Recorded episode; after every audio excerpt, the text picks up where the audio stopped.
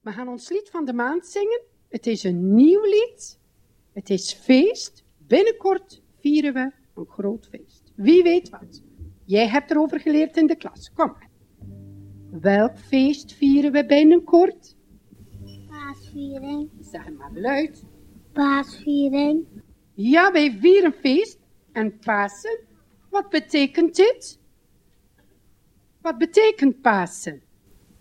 Um, dat Jezus is opgestaan. En dat hij wat? Is gestorven voor al onze zonden. Ja, en dat wij straks, die heeft onze zonde vergeven, straks mogen wij bij hem ook in de hemel zijn. Goed, de tekst staat daar. We gaan hier een beetje meezingen.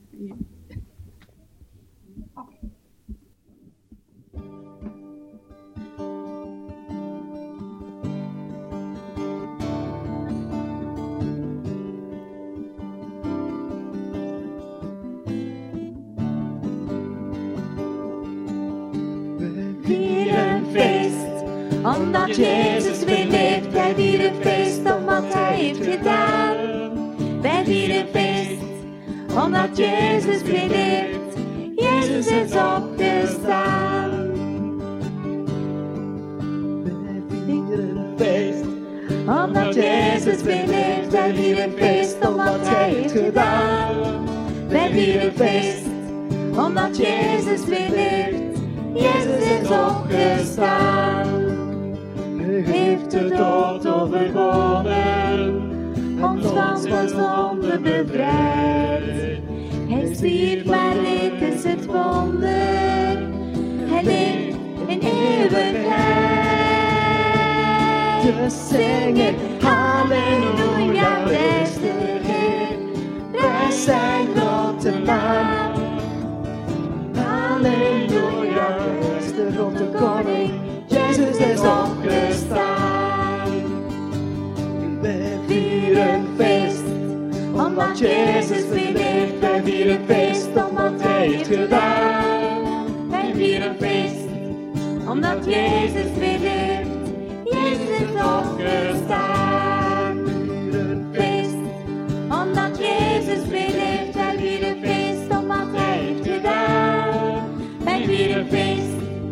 Omdat Jezus weer leeft. Jezus is opgestaan. Hij heeft de dood overwonnen, ons van de zonde bevrijd. Hij stierf, maar dit is het wonder.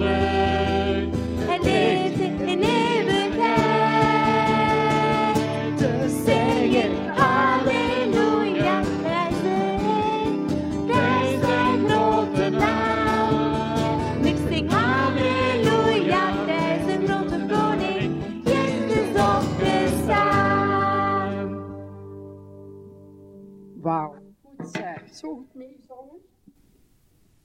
We gaan nu naar de zondagschool. Ga jij bidden voor de zondagschool? Nee, wie durft er te bidden? Kom. Ja. Dank je dat we in de kerk kunnen zijn en dat het een fijne vakantie kan worden.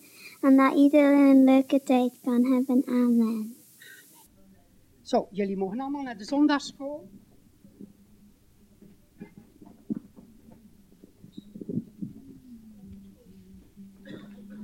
Gaan nog een laatste lied nemen, U roept ons vader.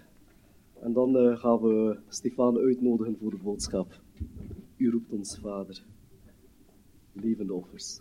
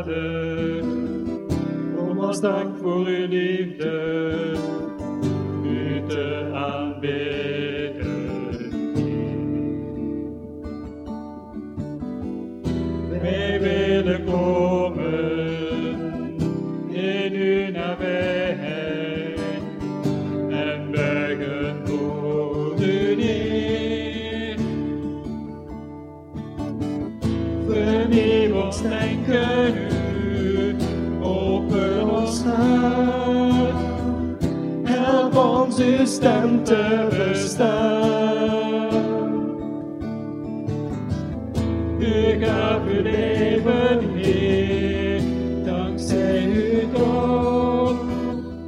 Mogen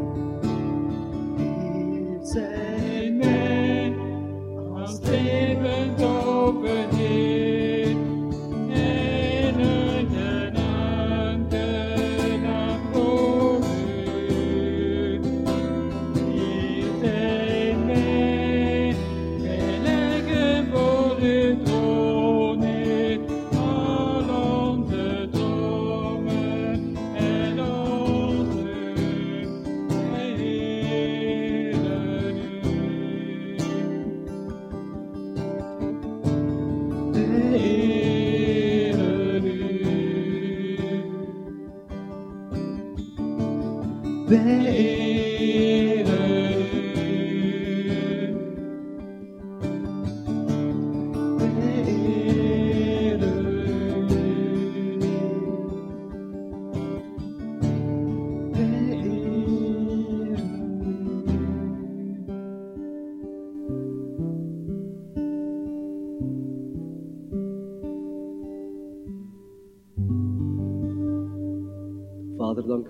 deze ochtend. Dank u wel dat we hier echt samen kunnen zijn om u te, te zoeken, om u te danken. Ehm, we komen hier in alle dankbaarheid omdat we weten dat we bij u horen. Omdat we weten dat u van ons allemaal houdt. Dat u ons het leven heeft gegeven. Het leven van iedereen. En roept ons allen op om terug te keren tot u. Om samen mensen te brengen bij u terug bij u waar dat we horen, Vader. Dank u wel dat we dit hier echt samen mogen zijn. En we vragen echt dat u ons allemaal vooruit duwt, terug moed geeft, kracht geeft, Vader. Om te leven, om te leven zoals dat u het heeft bedoeld. En vooral om ook andere mensen aan te raken met onze levens. Vader, wij net voor de mensen rondom ons, Vader, die u nog niet kennen, Vader. Dat ze ook aangeraakt worden. En dat ze echt uiteindelijk bij u mogen komen, Vader. Dank u wel. Amen.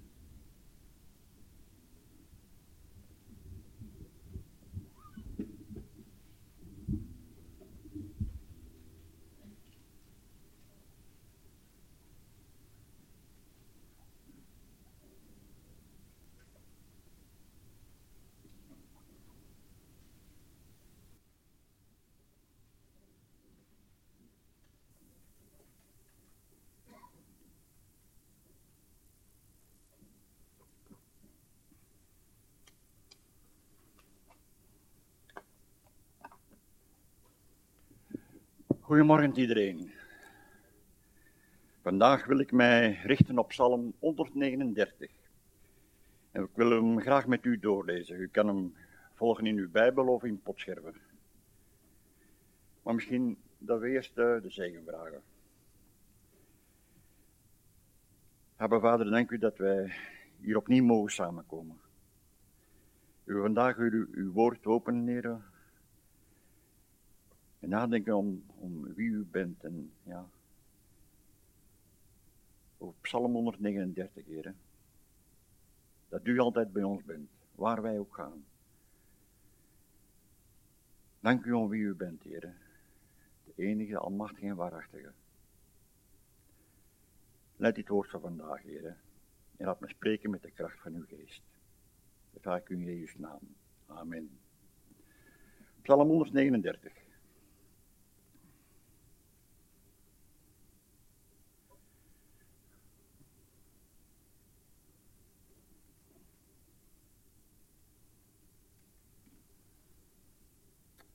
Een psalm van David voor de koorleider. Heere, u doorgrondt en kent mij. U kent mijn zitten en mijn opstaan. U begrijpt van ver mijn gedachten. U onderzoekt mijn gaan en mijn liggen. U bent met al mijn wegen vertrouwd. Al is er nog geen woord op mijn tong, zie, Heere, u weet het alles. U sluit mij in van achter en van voren. U legt uw hand op mij, dit kennen. Het is mij te wonderlijk, te hoog, ik kan er niet bij. Waar kan ik voor uw geest ontgaan, waar uw aangezicht ontvluchten? Als steeg ik op naar de hemel, u bent daar, of legde ik mij neer in de hel, zie, u bent daar. Nam ik vleugels van de dageraad, woonde ik aan het einde van de zee, ook daar zou uw hand mij leiden en uw rechterhand mij vasthouden. Zei ik, ja, duisternis zal mij opslokken, dan is de nacht een licht om mij heen. Zelf de duisternis maakt het voor u niet duister, maar de nacht ligt op als de dag. De duisternis is als het licht. Want u hebt mijn nieren geschapen, mij in de schoot van mijn moeder geweven. Ik geloof u omdat ik ontzagwekkend wonderlijk gemaakt ben. Wonderlijk zijn uw werken. Mijn ziel weet dat zeer goed. Mijn beenderen waren voor u niet verborgen, toen ik in het verborgene gemaakt ben en geborduurd werd in de laagste plaatsen van de haarde. Uw ogen hebben mijn ongevormd begin gezien, en zij alle werden in uw boek beschreven, de dagen dat zij gevormd werden, toen er nog niet één van hen bestond. Daarom, hoe kostbaar zijn mijn gedachten, o God. Hoe machtig groot is uw, uw aantal.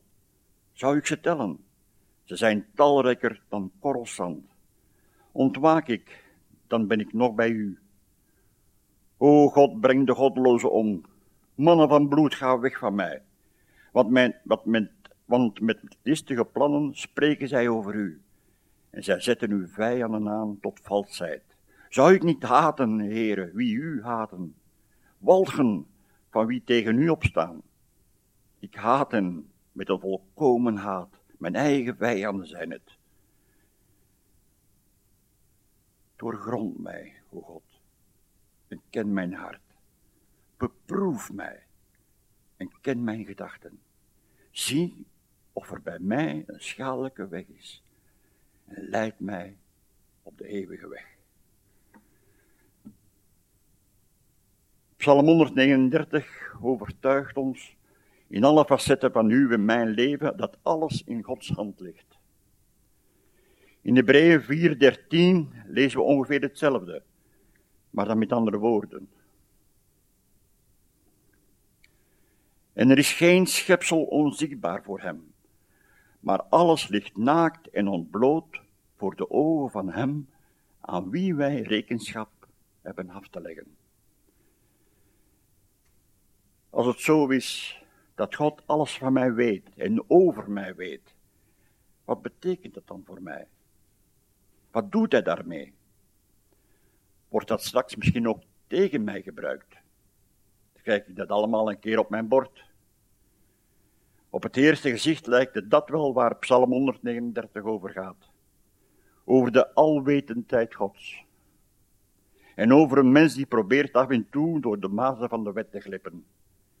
Maar uiteindelijk beseft dat er geen ontsnappen mogelijk is. In sommige vertalingen kreeg deze psalm dan ook de titel Gods alwetendheid.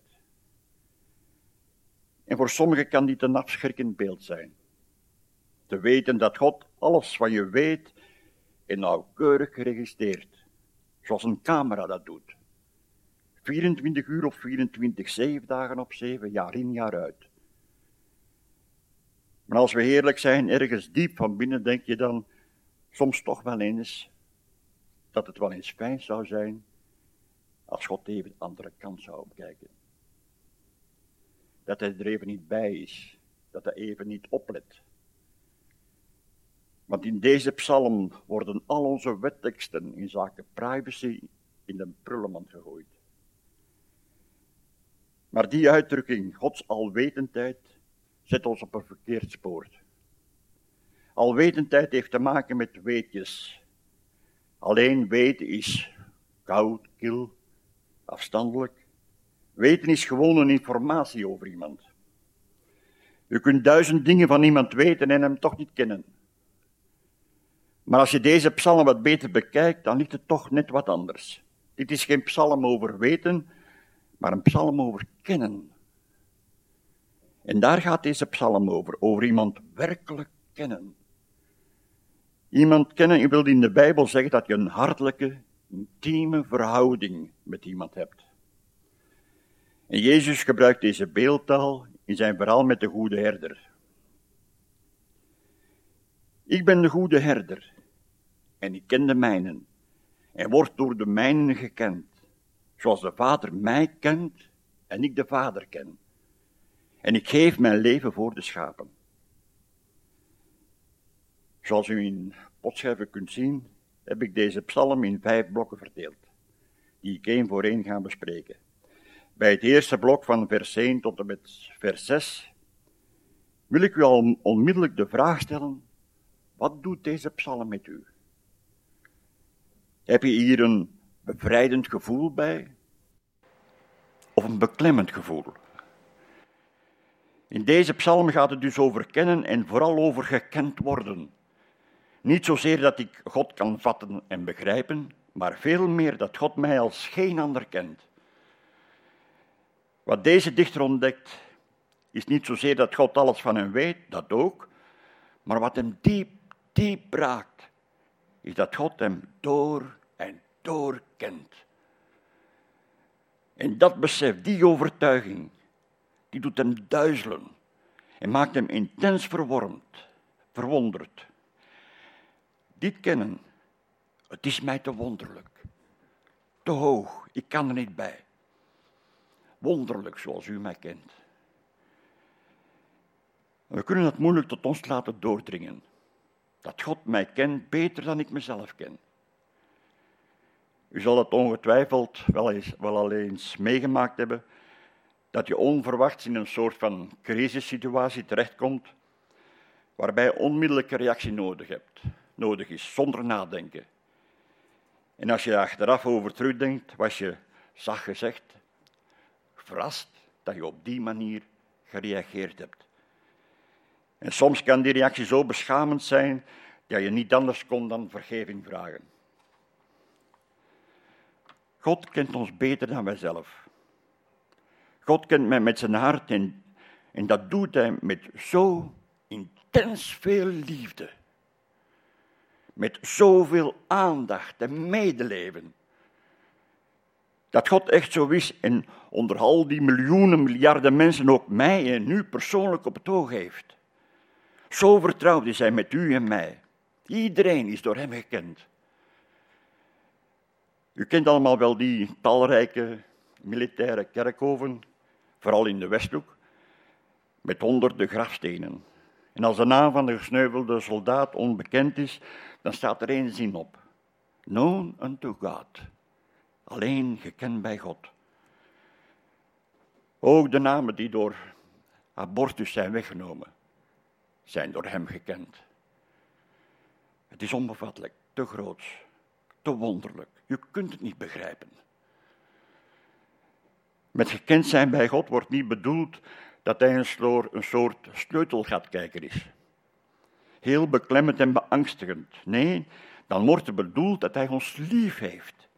Dat hij omgang met ons wil hebben. Een soort van soulmate, zeg maar. Een soulmate is iemand die je volkomen vertrouwt. Heel intens. En dan heb je op een gegeven moment geen geheimen meer voor elkaar. Zo geldt dat op ultieme wijze ook voor God. Hij, hij kent onze diepste geheimen en verlangens, onze diepste intenties, onze vreugdes, ons verdriet. Hij is ermee vertrouwd. U doorgrondt mij, zegt de dichter. Hij kent ons hart. Is dat niet wonderlijk? In de eerste versen wordt een volledig dagschema beschreven. Het zitten in de morgen, van zitten naar opstaan, het doorwandelen van de dag, in de avond gaan liggen. 24 uur registreert God ons. Hij neemt waar wat we, wat we doen en wat we niet doen. Wat we zeggen en waarmee we ons bezighouden. Maar niet alleen dat wat uiterlijk waarneembaar is, registreert God. Nee, ook dat wat voor andere mensen verborgen blijft, wordt door God ontdekt. Onze gedachten, onze intenties, het woord op onze tong, voordat wij het uitspreken. Wonderlijk. David komt tot besef dat God hem volledig omringt. Er is geen plaats, geen situatie en geen tijdstip in zijn leven waarvan God niet weet. En God legt zijn rustgevende en zegenende hand op hem. In het tweede blok.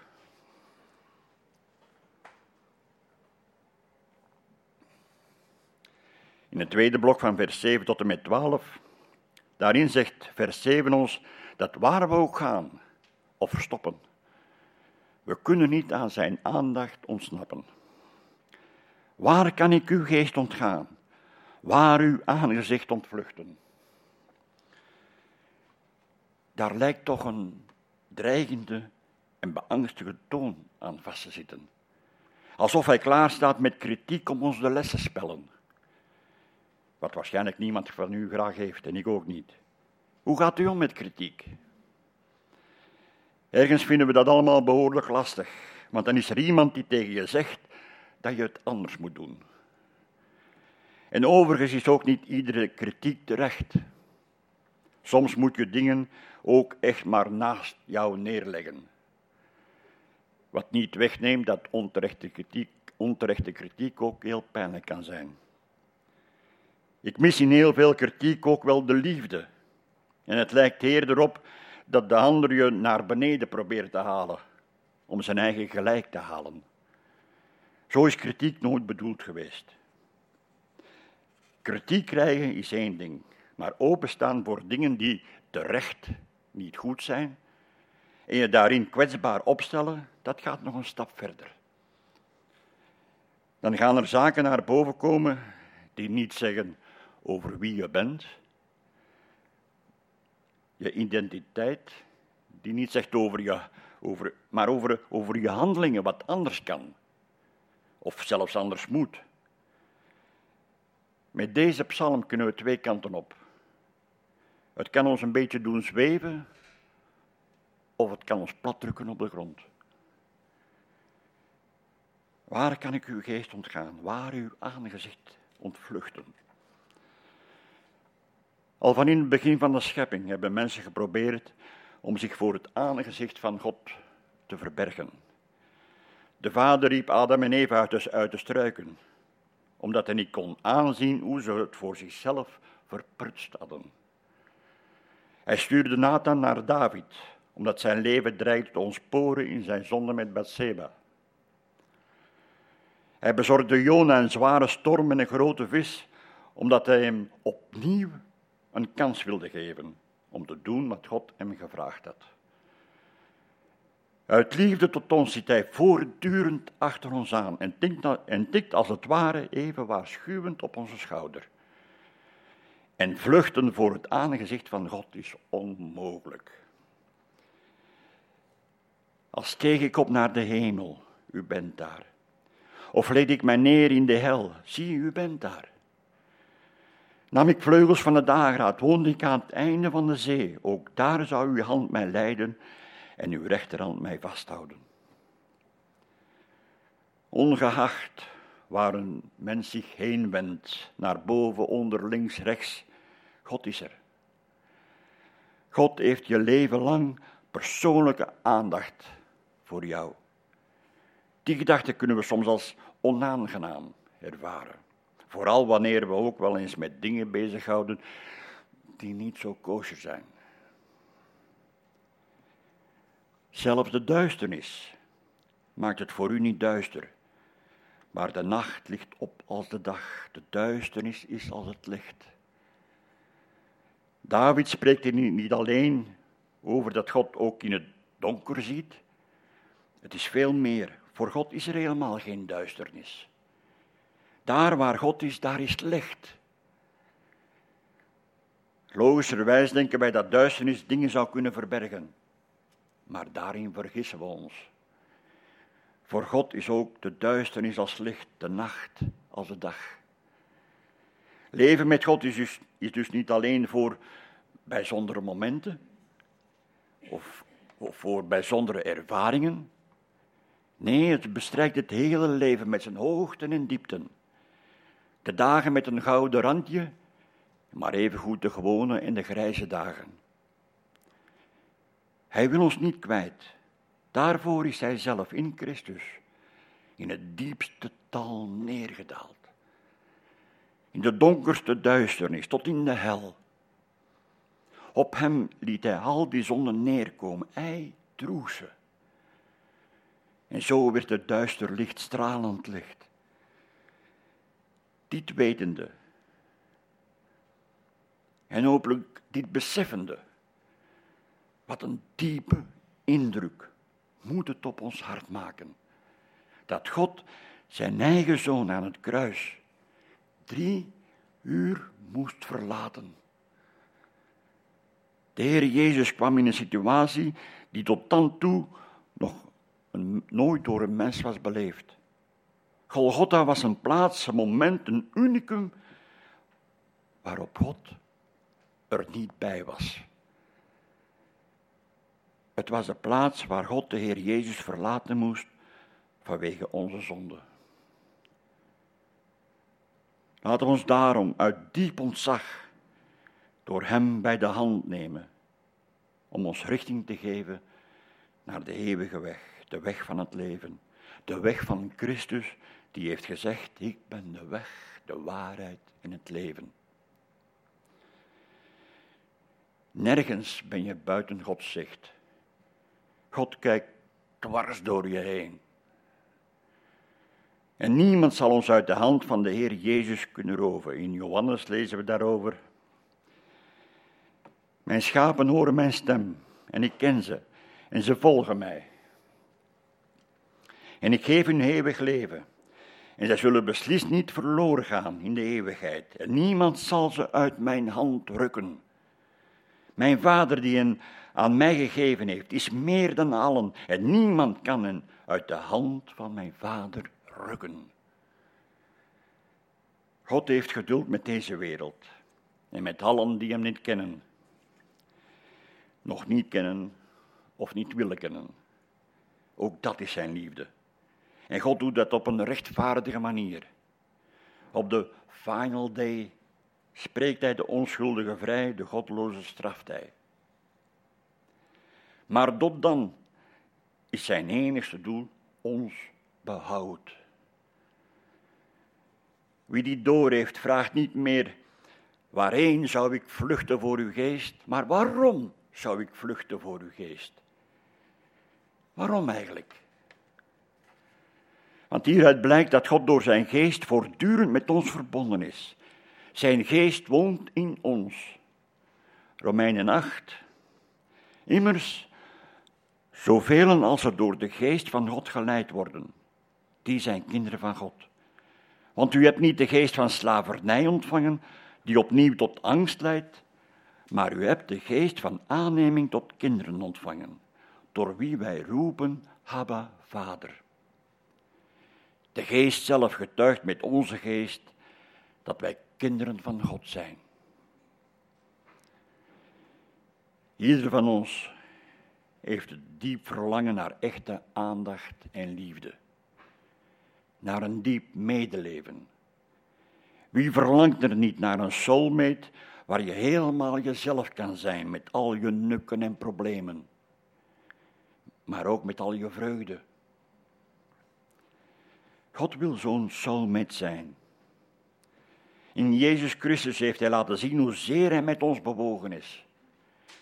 En dat kun je nog verder uitwerken door te kijken hoe Jezus vol bewogenheid naar de mensen keek en zelfs zijn leven heeft gegeven uit bewogenheid met ons.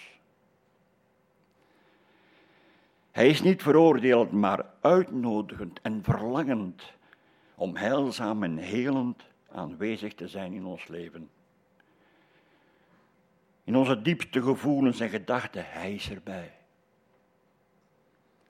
Als we ons eenzaam voelen, Hij is er met zijn aandacht en liefde. Als we in de duisternis van een depressie terechtkomen, Hij is nabij met zijn troostende liefde. Dit alles roept ook vragen op naar ons toe.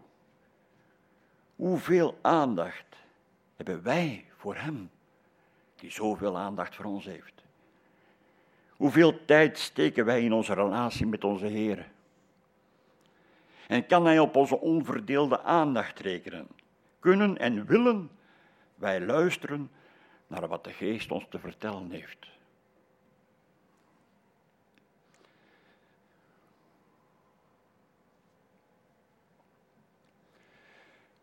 We komen aan blok 3, de versen 13 tot en met 18, waarin we ons duidelijk wordt gemaakt dat God ons al bij ons is vanaf het allerpilste begin. Toen ik nog een klompje cellen was in de baarmoeder. Hij heeft ons ongevormde begin gezien, het embryo. U was met mij, zegt David, toen ik nog een embryo was. Toen ik daar uitgroeide met alle ledematen en organen tot een mini-mensje. Sterker nog, hij vormde mij, hij weefde mij tot dat unieke mensenkind dat ik mag zijn, zoals er geen twee zijn. U en ik zijn uniek. Dat op zich is al wonderlijk. Maar hoe zit het dan met, met de weeffouten? Kinderen die met een beperking geboren worden, gehandicapten, misvormden, en wat te denken van kinderen die reeds in de, in de moederschoot overlijden. Wat kan zo'n onschuldige baby die geboren wordt met een beperking nu misdaan hebben? Moet je daarvan ook zeggen, wonderbaarlijk is wat u gemaakt heeft? Niettemin zijn ook deze scheppingen door God gekend en zijn liefde en ontferming gaan ook uit naar deze kinderen. 2000 jaar geleden was, waren ziekte en gezondheid nauw verbonden aan zonde en schuld. Was je ziek of gehandicapt, dan moest er wel een zonde zijn in je leven. In Johannes 9 lezen we over een man die al blind was van, van zijn geboorte. Het was in die tijd ook een logische vraag die Jezus leerlingen stelden. Wie heeft er gezondigd? Hij of zijn ouders?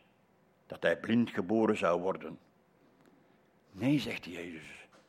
Het komt niet doordat hij of zijn ouders iets verkeerd hebben gedaan. Zonde is er en leidt tot gebrokenheid en kwetsbaarheid. Maar dat is geen oorzaak waarom mensen beperkingen hebben. Eigenlijk laat Jezus in het midden wat de diepere reden dan wel is. Wat hij wel zegt, maar dit is gebeurd opdat de werken van God in hem geopenbaard zouden worden. Jezus maakt ons eigenlijk duidelijk dat we de moeilijke vragen, de moeilijke waarom-vragen, niet kunnen beantwoorden met een eenvoudig daarom. Wel laat Jezus zien dat God werkt door zwakheid, gebrokenheid en lijden heen. Romeinen 8, want wij weten dat heel de schepping gezamenlijk zucht en gezamenlijk in nood verkeert tot nu toe. Een handicap is geen storende weeffout. En het heeft niets te maken met schuld of straf. Dient het een hoger doel? Of is het gewoon een hard gevolg van het feit dat we leven in een zieke wereld? We weten het niet. Het hoort bij het mysterie van het leven en de Bijbel geeft er verder geen antwoord op. Maar uiteindelijk gaat het daar niet om. Het gaat erom dat we in dat alles toch ons vertrouwen blijven stellen op God. Of zoals Paulus zegt, als er geroemd moet worden, zal ik roemen in mijn zwakheid. Daartegenover is het wel zonde als mensen met een handicap worden buitengesloten en aan de kant worden gezet, of er om die reden een abortus ondernomen wordt. Al in het begin van de Bijbel, in Leviticus 19, lezen we Gods concrete gebod. U mag een dove niet vervloeken, en voor een blinde mag u geen struikelblok neerleggen, maar u moet uw God vrezen. Elk leven is waardevol. En weet u waarom? Omdat Jezus de ogen prijs wilde betalen, die aan onze ongehoorzaamheid vastzat. Hij gaf zijn leven voor vrienden en voor vijanden. Zelfs voor mensen die hem de rug toekeren. Hij liet zich voor hem breken aan het kruis, omdat voor God elk leven zo kostbaar is. Zo kostbaar dat hij het wil verlossen uit de macht van de zonde en de dood. Zowel mensen met een beperking als zij die door het leven gaan als normaal, weerspiegelen het beeld van God. En wij dienen liefdevol met hen om te gaan. Ons op deze manier identificeren met mensen die zo anders zijn dan wij, is moeilijk. Maar ook mooi om samen op het pad op te gaan van de weg, de waarheid en het leven. En we kunnen daarom allemaal troost putten uit Gods belofte dat Hij gehoorzame mensen weer een volmaakte gezondheid zal schenken op een rechtvaardige nieuwe aarde. En Jezaja verwoordt het als volgt. Hij zal komen en u verlossen dan zullen de ogen van de blinden worden opengedaan. De oren van de doven zullen worden geopend. En dan zal de kreupel springen als een hert. De tong van de stongen zal juichen. Maar tot dan, tot de final day, moeten wij respectvol met elkaar omgaan. Het respect welk geworteld is in Gods liefde. We hebben gelezen in vers 16 uw ogen hebben mijn ongevormd begin gezien. En zij, werden allen, en zij allen werden in uw boek beschreven, de dagen dat zij gevormd werden, toen er nog niet één van hen bestond. Dit lijkt weer te geven dat het leven al helemaal vaststaat, voorgeprogrammeerd is, zonder dat ik daar een enige invloed kan op uitoefenen. Maar God heeft ons niet geschapen als geprogrammeerde machines maar als unieke mensenkinderen met een eigen wil en een eigen verantwoordelijkheid, die ieder persoonlijk door God gewild en geliefd is. Het leven is een geschenk. We ontvangen het uit Gods hand. En of het nu gezond is of kwetsbaar of gehandicapt, gaaf of anders begaafd. Elk leven is zo kostbaar in Gods ogen en zijn gedachten over ons zijn talrijker dan er korrels zand zijn, ontelbaar. En dan komen we bij vier versen in blok 4, die er zo helemaal anders uitzien. Ze lijken hier helemaal niet op hun plaats te staan. Want nadat we gelezen hebben over al die wonderlijke gedachten, wordt ons de adem afgesneden door woorden als: Hoe God brengt de godlozen om. Mannen van bloed, ga weg van mij. Want met listige plannen spreken zij over u en zetten uw vijanden aan tot valsheid. Zou ik niet haten, heren, wie u haten? Walgen van wie tegen u opstaan. Ik haat hen met een volkomen haat, mijn eigen vijanden zijn het. Het rare is, als er al eens gesproken wordt over Psalm 139, in de meeste gevallen worden deze vier versen doodgezwegen. Het hoort hier helemaal niet bij. Ook in het opwekkingslied 518, Heer, u bent altijd bij mij. Dat, dat gezongen wordt over Psalm 139, daar wordt geen woord gerept over deze vier versen. Geen woord over die haatgevoelens die bij de dichter zijn binnengeslopen. Wat moeten we hiermee? Toch hoort dit gedeelte er ook bij. Deze vier versen leggen het probleem op tafel van het menselijke hart.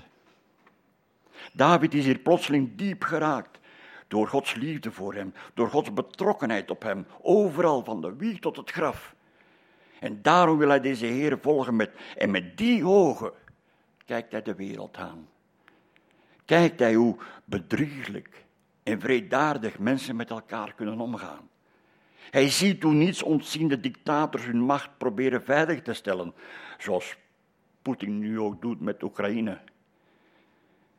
En er niet voor terugdeinzen om vele onschuldige slachtoffers te maken. Het laat hen koud. Zoiets kan ons toch niet onverschillig laten. Zou ik niet haten, heren, wie u haten, walgen van wie tegen u opstaan? Als je vol bent van, van Gods liefde, dan kan er ook wel een diepe verontwaardiging ontstaan over waartoe mensen allemaal in staat zijn. Dan kan er een woede in je losbarsten. Boosheid en afkeer lijken dan menselijk gezien gerechtvaardig en begrijpelijk. Maar als we deze gevoelens de vrije loop geven, kunnen ze verworden tot fundamentalisme en extremisme die dan ontaarden in gewelddadigheid, tot het recht in eigen hand nemen. En dat gaat ook tegen Gods wil in.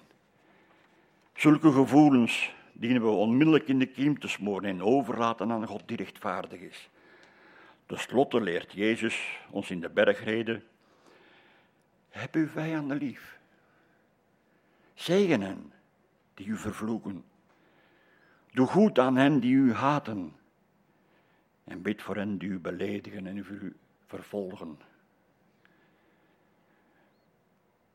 In het vijfde en laatste blok, de twee laatste versen, de versen, merken we op dat zo plotseling dat deze nare gevoelens bij David zijn opgekomen, zo plotseling realiseert hij zich dat hij hier te ver is gegaan. En even plotseling komt hij tot besef dat het menselijke hart vaak helemaal niet zo zuiver is. En dat hij het risico loopt om zomaar God kwijt te raken en zijn eigen weg op te gaan. Herkennen wij dit soms ook in ons leven? Mag iedereen weten wat er in uw hart omgaat? Zou u bijvoorbeeld willen dat hier op de muur geprojecteerd wordt alle dingen die je de afgelopen 24 uur hebt gedacht of gezien? Dat iedereen kan lezen wat er leeft in je hart. Wat zou er dan op de muur komen te staan?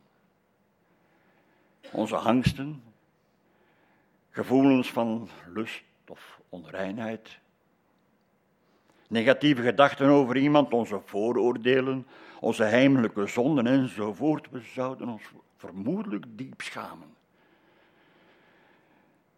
Wat in het begin van deze psalm begon als, als een lofprijzing, zo eindigt David hier met dezelfde woorden, maar dan in een gebed om hulp door schaamte.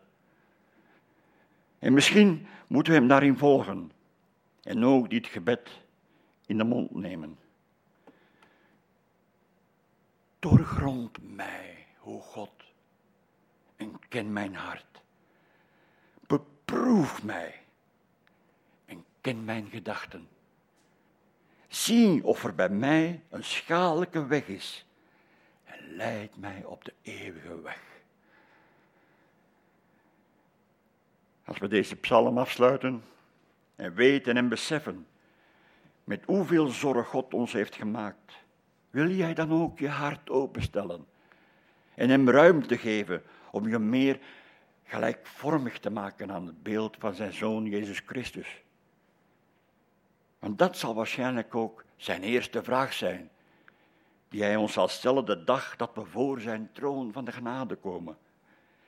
En hij ons hoog in oog de vraag stelt, hoeveel van mijn zoon vind ik in jou terug?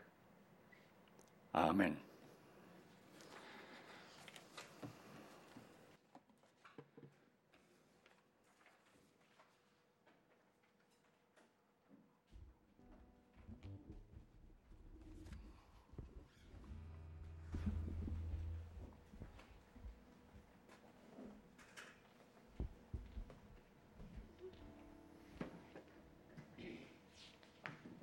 We gaan eh, afsluiten met een, lied Man van Smarten. En daarna komt Nick nog voor de eenzegen en mededelingen. We kunnen samen recht staan.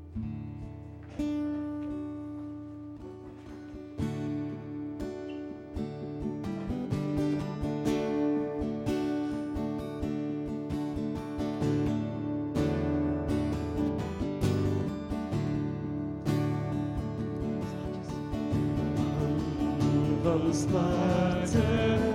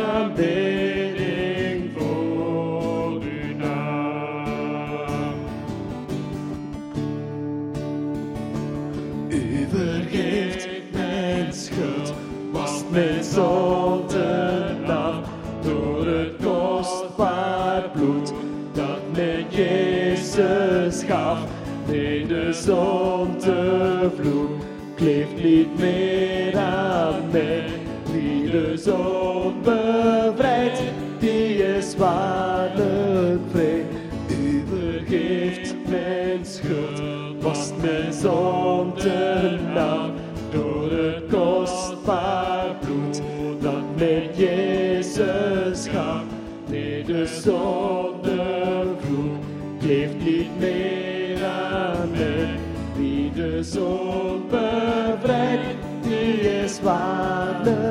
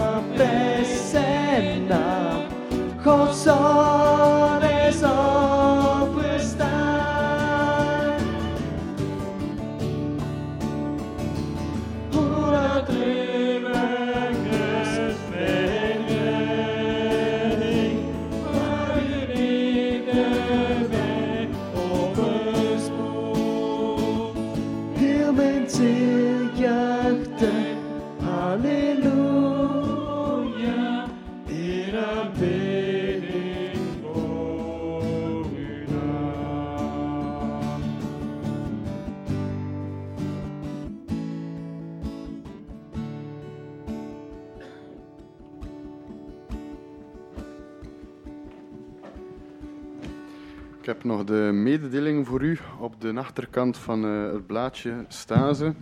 Dus volgende week zondag is het kinderdienst. Er is ook vol, eh, komende dinsdag bidstonde in de namiddag. Ehm, dan moest ik ook zeggen, binnen twee weken, dus op eh paaszondag eh, 17 april, is er in de kerk een paasontbijt. waar we samen, iedereen die wil, kunnen samen voor de dienst nog ontbijten. Ehm, als je daar wilt bij zijn, en het zou leuk zijn dat we met zoveel mogelijk zijn, uiteraard, op dat paasontbijt. Eh, bij Christine de Bruin kunt je u opgeven als je dus op eh, 17 april naar het paasontbijt hier in deze kerk wilde komen. Ehm, op zondag 15 mei is dan de algemene vergadering, dat is nog wat in de toekomst, maar eh, allee, ook te vermelden. Met nadien eh, is er ook een, een potluck, eh, gaan we samen eten. Ehm, er is ook eh, dus op 15 april, dus in, eh, op de Goede Vrijdag, eh, is er een, ja, een Goede Vrijdags eh, viering moment hier in de kerk om 7.30 uur. Dus dat is op Goede Vrijdag 15 april. Ehm, moet, dat moet niet gemeld worden. Of ja, nee. Dus iedereen is welkom op Goede Vrijdag hier in de kerk om daar samen bij stil te staan. Hey, ik stond hier vorige week ook. Ehm, voor de mensen die er niet waren, even eh duiden waarom ik hier sta. Met de muziekgroep willen we opnieuw, zoals dat we in het verleden hebben gedaan, iedere maand een, een, een lied behandelen. Dat we dan heel de maand, eh, iedere, iedere dienst zingen en spelen. Ehm, maar we willen jullie daarin betrekken. Hebben jullie een lied op je hart dat we niet vaak zingen of dat we nog nooit hebben gezongen? Eh, geef dat door aan mij en dan nemen we dat in beraad en plannen we dat in. Ehm, als je niks doorgeeft, dan kun je achteraf niet klagen dat niet de liedjes zijn dat je wilt.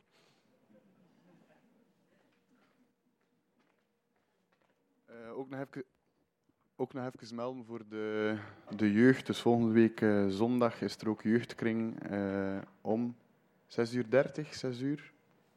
Daar rond, maar op de WhatsApp. Dus voor de ouders of voor de jonge mensen.